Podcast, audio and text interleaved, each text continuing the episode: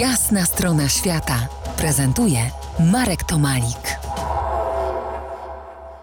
Po jasnej stronie świata Michał Kiełbasa, człowiek, który w ciągu niespełna dwóch lat odwiedził 52 kraje.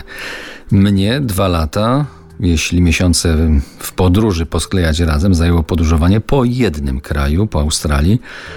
Hmm, no tak mi się wydaje, że to są dwa różne bieguny podróżowania. Nie żebym oceniał, że to jest lepsze, a to gorsze. Próbuję tylko zrozumieć inny punkt widzenia, innego podróżowania. Mnie by się to tam pomieszało, gdybym tak szybko i tak, tak wiele. A powiedz, a nie korciło cię, aby zostać y, w jednym z tych krajów, y, z tych 51 krajów na, na dłużej, powiedzmy na pół roku, na miesiąc?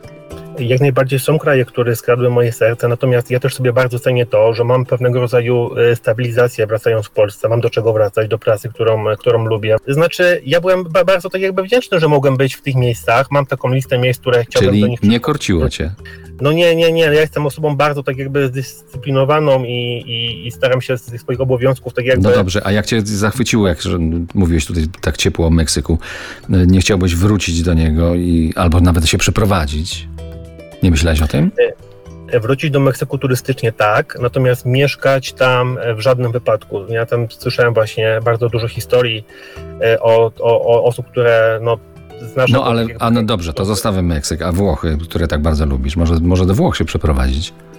Jak najbardziej właśnie Włochy, Chorwacja, to są takie, Hiszpania, zwłaszcza Barcelona, to są takie miejsca, które no szczególnie skradły moje serce, no bo naprawdę uważam siebie jako osobę w stosunkowo młodym wieku, że no bardzo to podróżowanie po różnych krajach, czasami dość szybkie, no bardzo mi otworzyło właśnie oczy na, na świat i na innych ludzi i no tak, to jest zupełnie inna dynamika podróżowania niż to moje podróżowanie kiedyś tam.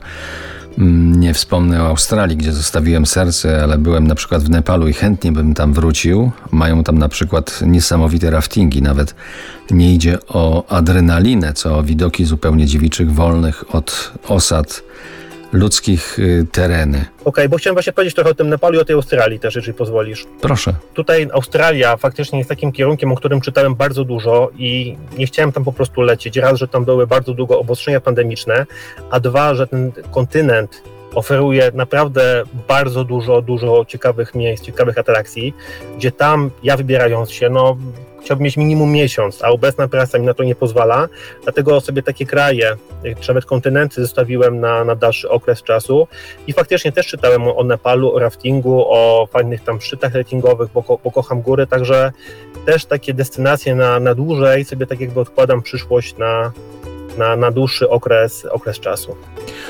No tak, w tym temacie można planować. Mam nadzieję, że będzie można w najbliższych latach podróżować tak jak kilka lat temu. To jest jasna strona świata w RMS Classic.